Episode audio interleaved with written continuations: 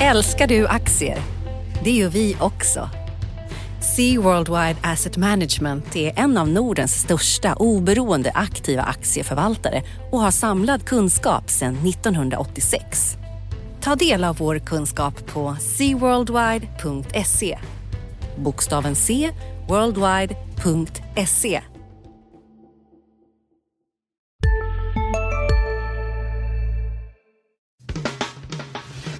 Analyspodden från Dagens Industri.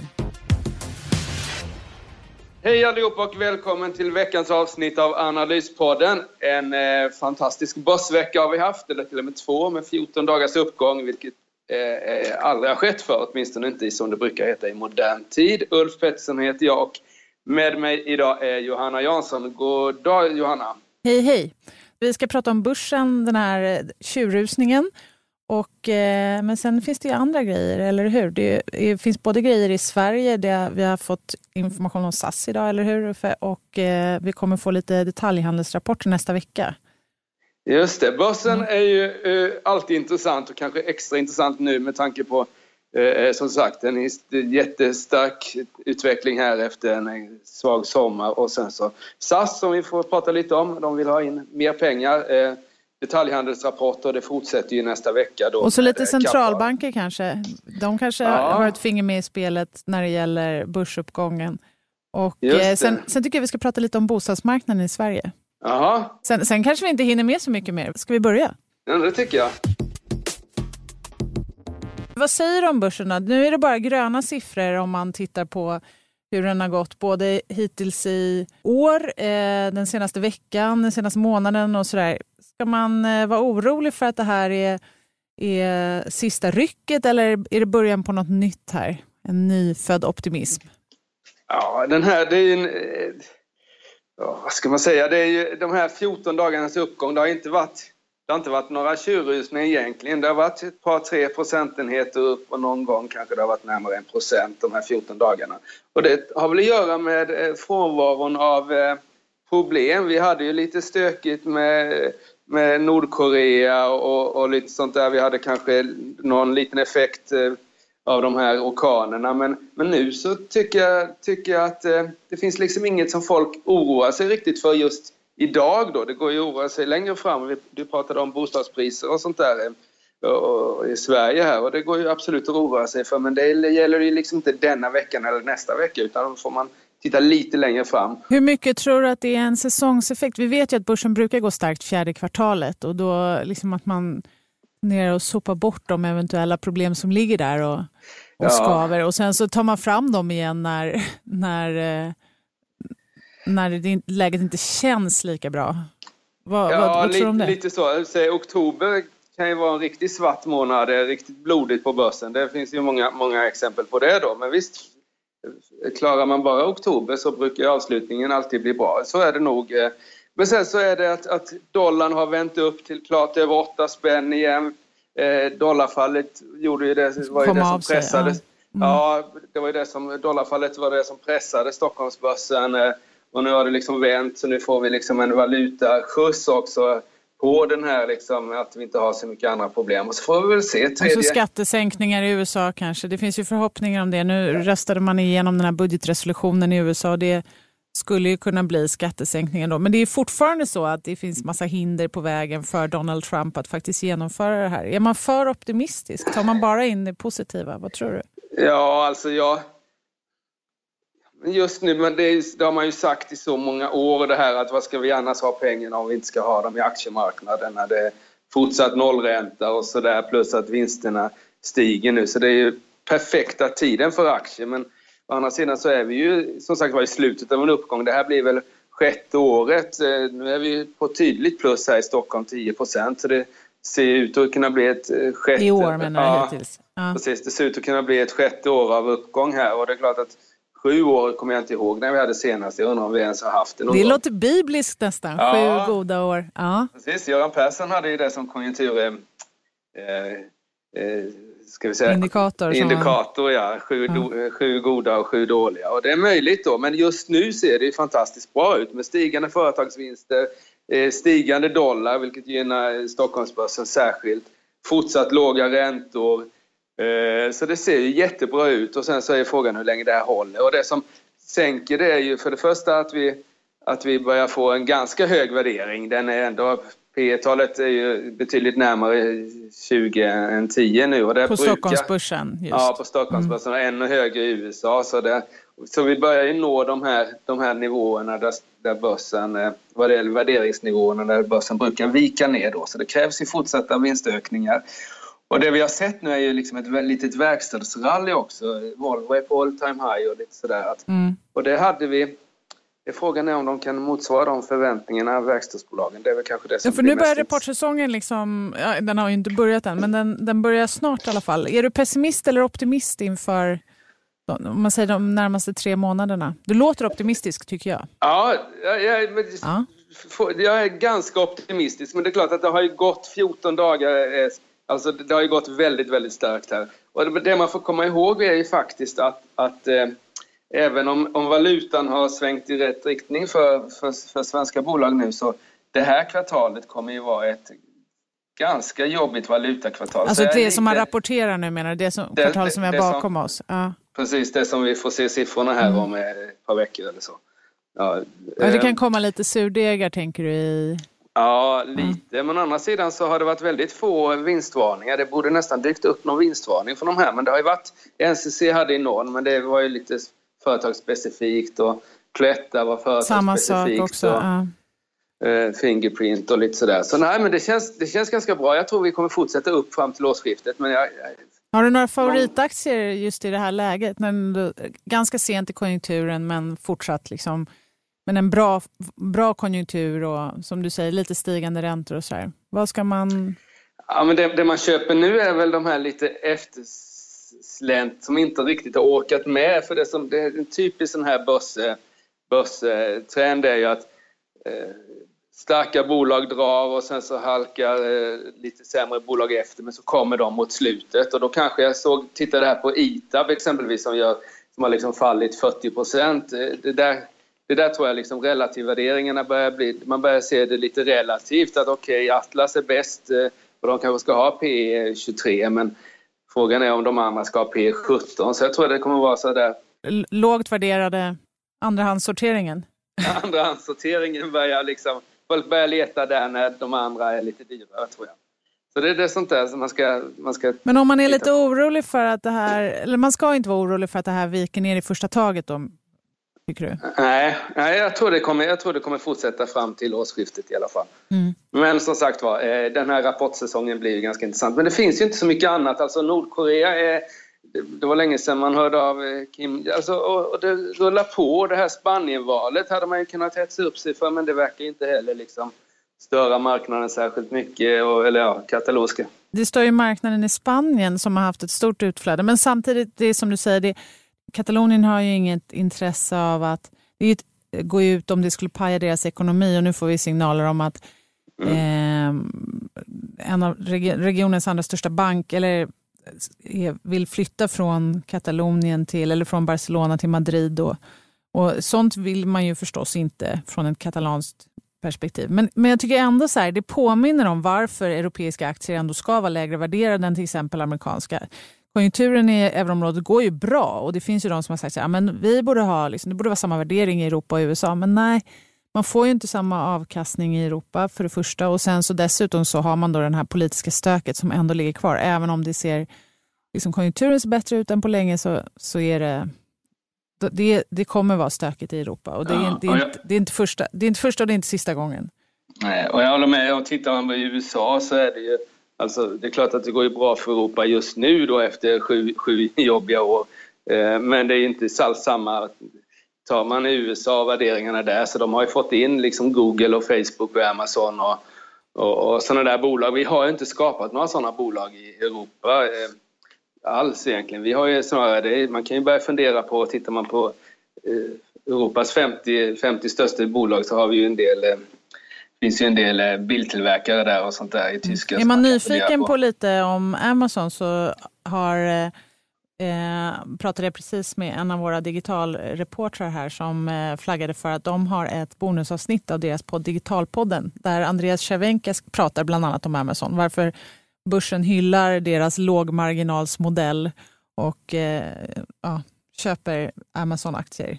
är man nyfiken på det så kan man lyssna på det. Den, den ska ha kommit ut nu.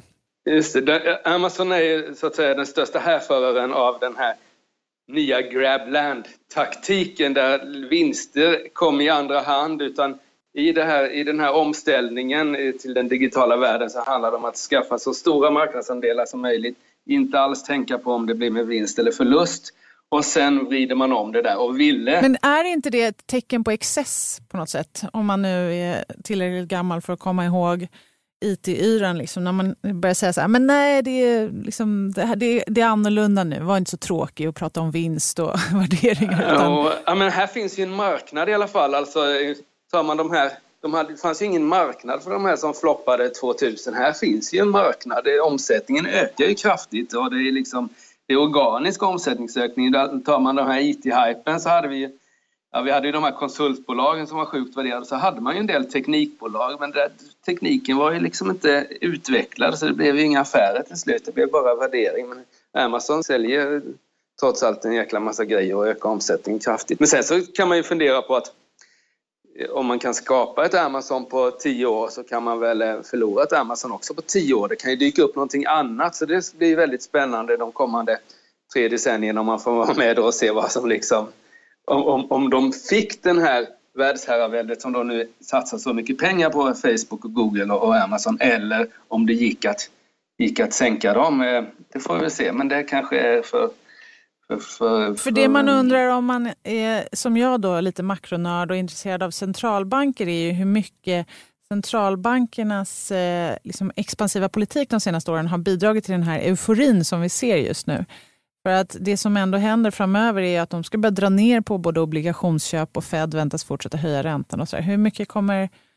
Vi fick ECB-protokoll och riksbanksprotokoll här i veckan och ECB eh, verkar ju då redan i slutet av oktober här komma att flagga för att de ska börja dra ner på sina obligationsköp under loppet av nästa år.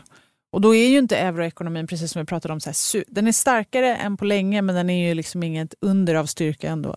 Hur kommer det påverka, tror du? Vilka aktier kommer drabbas av högre räntor?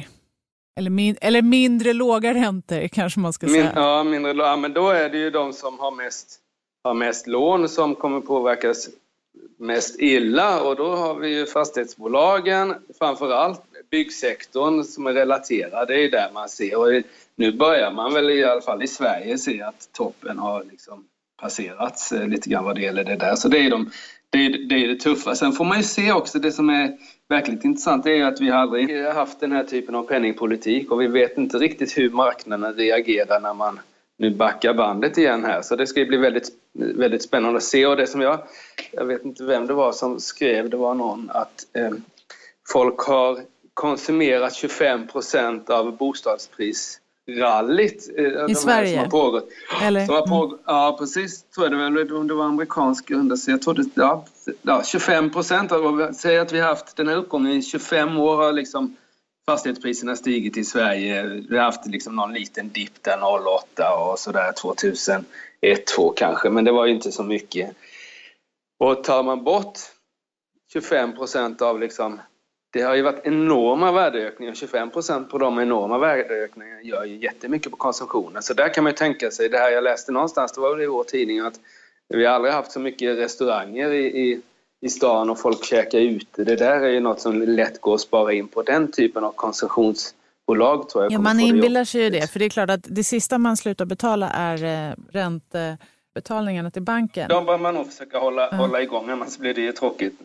Så det, och det är klart att menar, har man haft flera år med fallande räntor så innebär det ett skifte när eh, räntorna inte längre faller. Så även om de inte stiger mycket så är det ändå ändrade förutsättningar. Och, eh, vi har ju skrivit om det i DI och vi, det finns, skrivs om det mycket på andra ställen. Och i morse så, eh, vi, när vi står här så är det fredag förmiddag och i morse så var finansministern med i Börsmorgon och påminde då hushållen att ja, men passa på att amortera istället när räntorna är låga istället för att använda upp pengarna till konsumtion. Men det är klart att det har påverkat och vi har renoverat och vi har eh, bytt ut kök och sådär. Ja. ja. Det är tecken i tiden att, att Balkon noteras på börsen idag, alltså balkongtillverkaren. För tittar man, det är ju en sån där sak som, som har varit väldigt, väldigt lönsamt. Eller, ja, det har både varit lönsamt och inte kostat särskilt mycket pengar eh, att bygga balkong för det har liksom höjt värdet mer än vad det har kostat och, och, och med dessa räntor så har det liksom varit inte särskilt svårt att finansiera. Det är ju sånt där som kan kan tycker, liksom... har, du, har du tittat någonting på den aktien? Nej, inte, inte, inte faktiskt inte. Jag, jag, det gick inte i mitt, i mitt veckouppdrag att skriva om det. Jag såg bara att det var ett fast pris och sådär jag, jag, har inte sett hur den har utvecklats här riktigt på, just på morgonen. Men jag skrev att den skulle gå upp så det kanske den har gjort då. ja, du... eh, mm. eh, vad tänkte jag på? Någonting som du har skrivit om i veckan är ju eh, inte, inte du eller jag just den här gången, men våra kollegor eh, Mikael Wilenius och också Viktor Munkhammar har skrivit om bostadsbyggandet och... Eh... Har du också valt att bli egen? Då är det viktigt att skaffa en bra företagsförsäkring. Hos oss är alla småföretag stora och inga frågor för små. Swedeas företagsförsäkring är anpassad för mindre företag och täcker även sånt som din hemförsäkring inte täcker. Gå in på swedea.se företag och jämför själv. Just nu pågår vår stora season sale med fantastiska priser på möbler och inredning. Passa på att fynda till hemmets alla rum, inne som ute, senast den 6 maj. Gör dig redo för sommar. Välkommen till Mio. Ja, vad, vad, vad, vad, ska man tro egentligen? Det här och apropå Balko, vad ska man räkna med en bostadskrasch i Sverige? Eller ska man ha med det liksom i ja, bakhuvudet? Det, får man nog, eh, vadå, det är klart att det kommer ske en bostadskrasch någon gång mer i, i vårt liv. Eh, frågan är när. Men, och jag tror att det som har, det som, eh, och vi har ju pratat om det du och jag också här, att, att jag tror att det här att man som bostadsutvecklare, man läser och ser då den stora inflyttningen till de större städerna och, och de långa bostadsköerna. Men det där tror jag är en chimär. Jag är inte riktigt säker. Säg att vi skulle...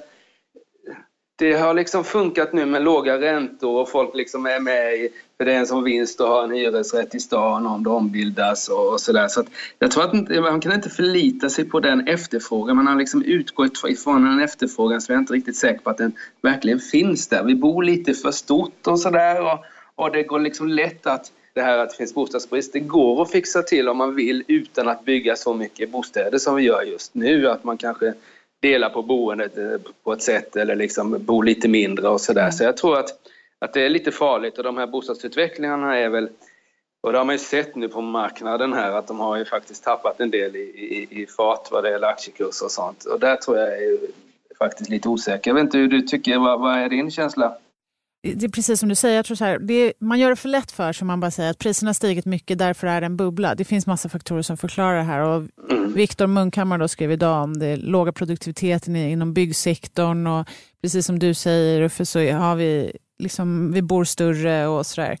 Men, eh, men det är klart, jag tror det viktigaste som jag tänker framöver, det är dels att om man bygger mer, det kommer finnas mer mer bostäder tillgängliga och sen samtidigt så förbyts liksom hushållens medvind när det gäller bostadsmarknaden till motvind så ska man inte räkna med att priserna ska fortsätta upp på samma sätt och det kommer ju påverka oss. Det är inte samma sak som att säga att allting kommer implodera. Det behöver inte bli liksom eh, eh, bomber och granater varenda gång någonting ändrar riktning. Vi tänker liksom hela tiden att en nedgång nästa gång ska vara som en så krasch som finanskrisen. Det kan, liksom, det kan dämpas ändå. Men, det, kan, det eh, kan sluta stiga så blir det, ja nu har vi exakt. ju så, äter inflationen upp det lite grann nu när vi är faktiskt... Men om man, om man är nyfiken på aktier som, som kan stå emot en eventuell bostadskrasch så kan man ju läsa Micke Wilenius då, eh, i onsdagens DI, för han hade tips på det. Men en sak som vi inte har pratat om som också händer på, nu här på fredagen, det är SAS. Eh, som eh, flaggar då för att de vill eh, göra en nyemission och aktien är ner här på fredag morgonen.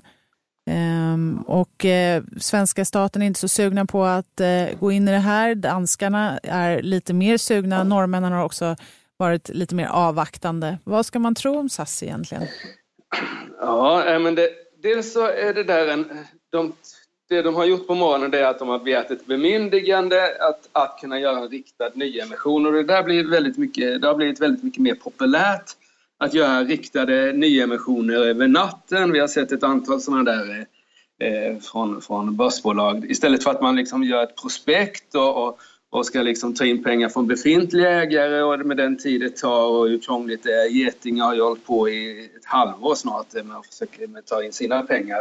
Eh, så gör man liksom ungefär som när man säljer aktier, de här eh, riskkapitalbolagen säljer aktier från bolag de har satt på börsen så gör man liksom en, ett, ett eh, accelererat förfarande och plockar in pengar via en riktad nyemission. Och det där tror jag är jättesmidigt och det tror jag SAS kommer utnyttja också för de har ju ändå sina preferensaktier som de behöver lösa in. Exakt, och det är, det, de har varit en bra affär för de som har köpt dem men inte en så bra affär för SAS, eller hur?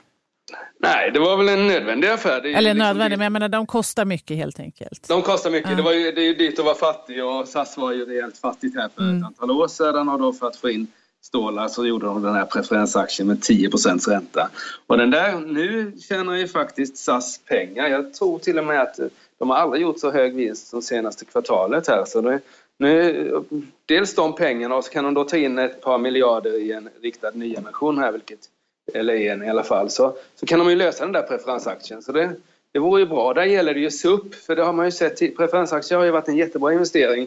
Ju, förutom en nio har väl egentligen alla fullföljt sina åtaganden och betalat ut de här höga räntorna. Men, men där får man ju fundera lite då. Eh, för man får nog räkna med att SAS kommer lösa in den där ungefär som det var väl eh, det var ju något fastighetsbolag Balder. Bal, Balder som, som eh, utnyttjade det där till, till bristningsgränsen genom att lösa in det precis dagen innan de skulle ge ut en utdelning. Och sånt där får man börja kolla upp nu för att det finns ju inga gratispengar utan kan bolagen betala så lite som möjligt i ränta inom lagens råmärken så kommer de att göra det och det kommer ju SAS också göra. Mm, så vad ska man, ska man, hur menar du kolla över? Ska man sälja dem? Ska ja, man... men, ja, nu, har jag faktiskt inte riktigt... Den har ju varit väldigt bra. Jag tror fortfarande preferensaktien är bra för risken att de inte kan återbetala så att säga, preferenslånet är ju, minskar ju om de gör nyemission av stamaktier.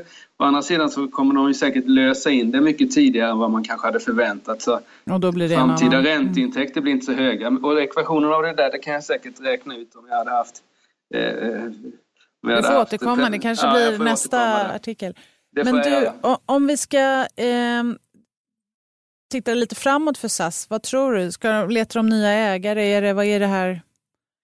Ja, det tror jag. Alltså, staten har ju, har ju redan, svenska staten har ju redan sålt aktier en gång och de kan nog tänka sig att sälja mer här. Men danskarna vill inte sälja och danskarna är ju ganska, ganska luriga. De inser ju att det finns ett väldigt stort eh, eh, värde av att ha en flygplats som Kastrup och jag tror att det är väl det som är anledningen till att och ha ett, liksom ett SAS då på den där flygplatsen. Det är väl det som gör att de gärna... Ja, precis, det är inte flygbolaget egentligen man är ute efter. Det är utan... flyg det är infrastrukturen ja, runt omkring. Säga.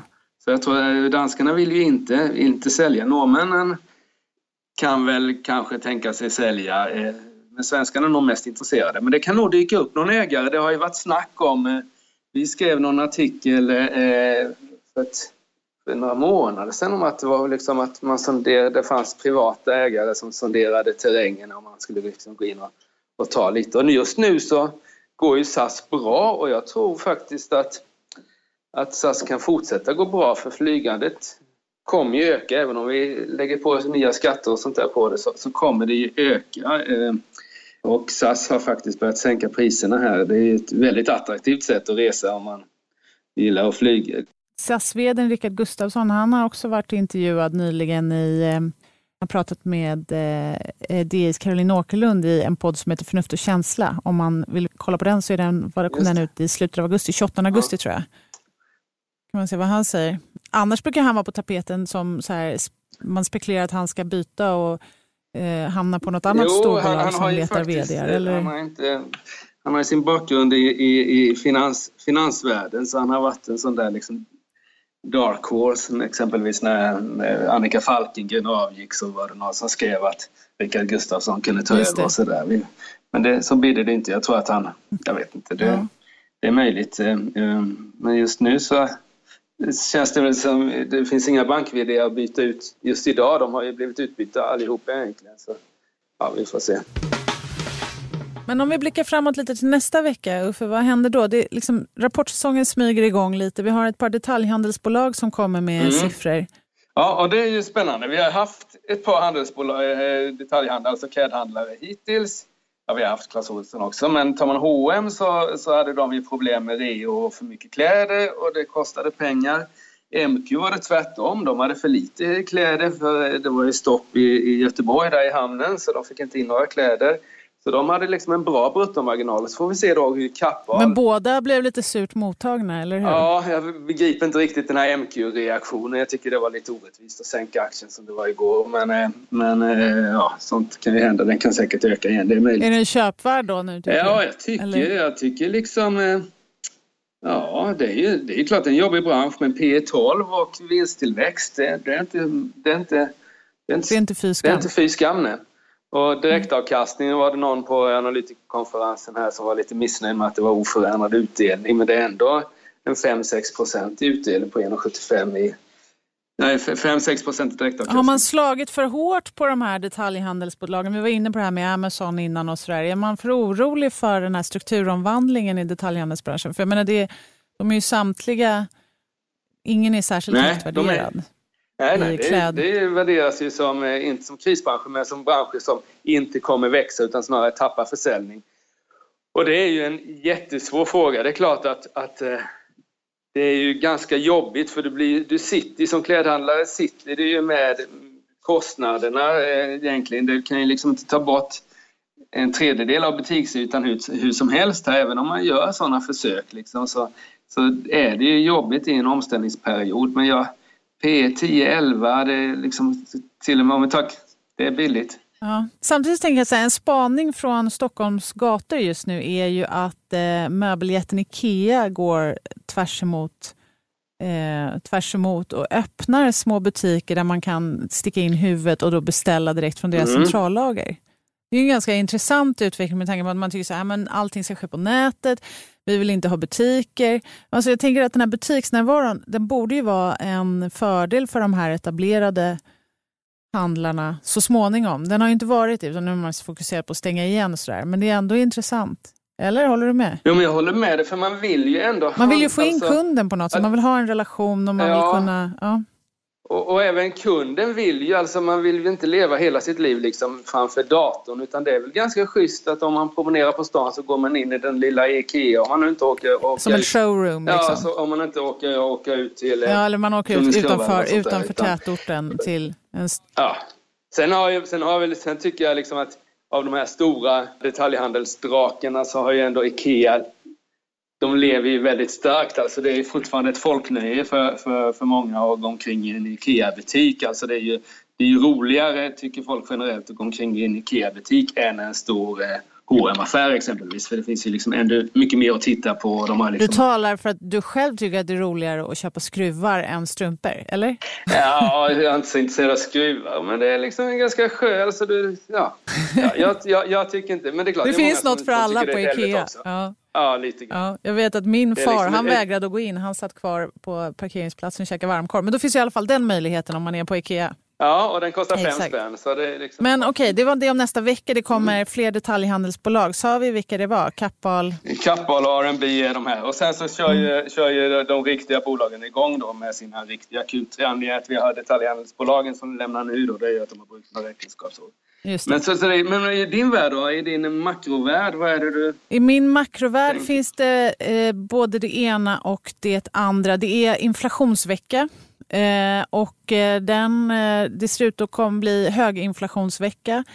Eh, därför att, och nu, just nu så påverkar ju delvis att energipriserna har stigit, så det drar upp inflationssiffrorna här. Och Det hänger ihop med det här med, som vi pratade om, att centralbanken ändå är på väg att sväng, långsamt svänga om. Men även om liksom en siffra inte kommer få dem att, vända så, så är det ändå det som är riktningen. Mm. För de här supertankerserna som man ändå kan säga att centralbanken är. Och sen så är det också Nobelfestligheter. Ekonomipriset tillkännages på måndag så det kan bli spännande. Just det. Och vem Se vem som får 8 miljoner svenska kronor för sin forskning. Ja, vem, vem gissar du på?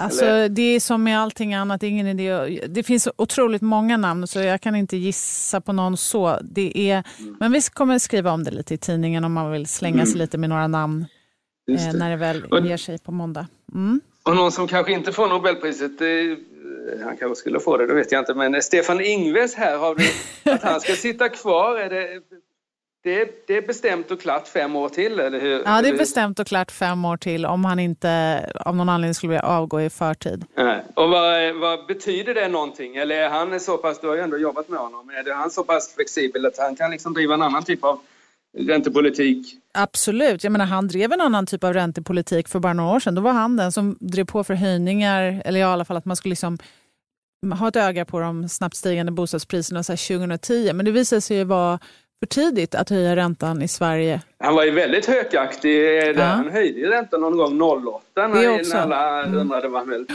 Så att, eh, nej, men jag tror inte man ska... Alltså, marknaden handlade ju på det här som att nu minskar sannolikheten för att Riksbanken svänger om mot högre räntor tidigare. Jag är inte så säker på att man ska dra det så långt. Han är en person i en direktion. Visst, han har en utslagsröst, men det är ändå hela direktionen som fattar beslutet och de har alla varit för den här expansiva politiken. Men eh, ja, vi får väl se. Men som sagt, nästa vecka inflationsvecka, så det är någonting som Riksbanken kommer slänga ett öga på. Det. Är det någonting annat, tycker du, som du kommer kolla på? Eller? Nej, nej jag tycker det är... Vi laddar inför rapporterna här så småningom och sen så tycker jag man ska hålla koll på dollarn här. Om det så att säga den här negativa dollartrenden har vänt på riktigt eller om det bara är en tillfällig uppstuds. Mm, det hänger mycket på vad som marknaden. händer med Trump och hans möjligheter att sänka mm. skatter och så. Men det dröjer nog lite innan vi verkligen får reda på det. Så, att, så är det. Bra! Trevlig helg får vi säga då till, eh, till varandra och alla lyssnare. Ja, det får vi göra. Tack för att ni har lyssnat. Tack, tack. Ja, hej. hej. Analyspodden från Dagens Industri. Podden redigerades av Umami Produktion. Ansvarig utgivare Lotta Edling.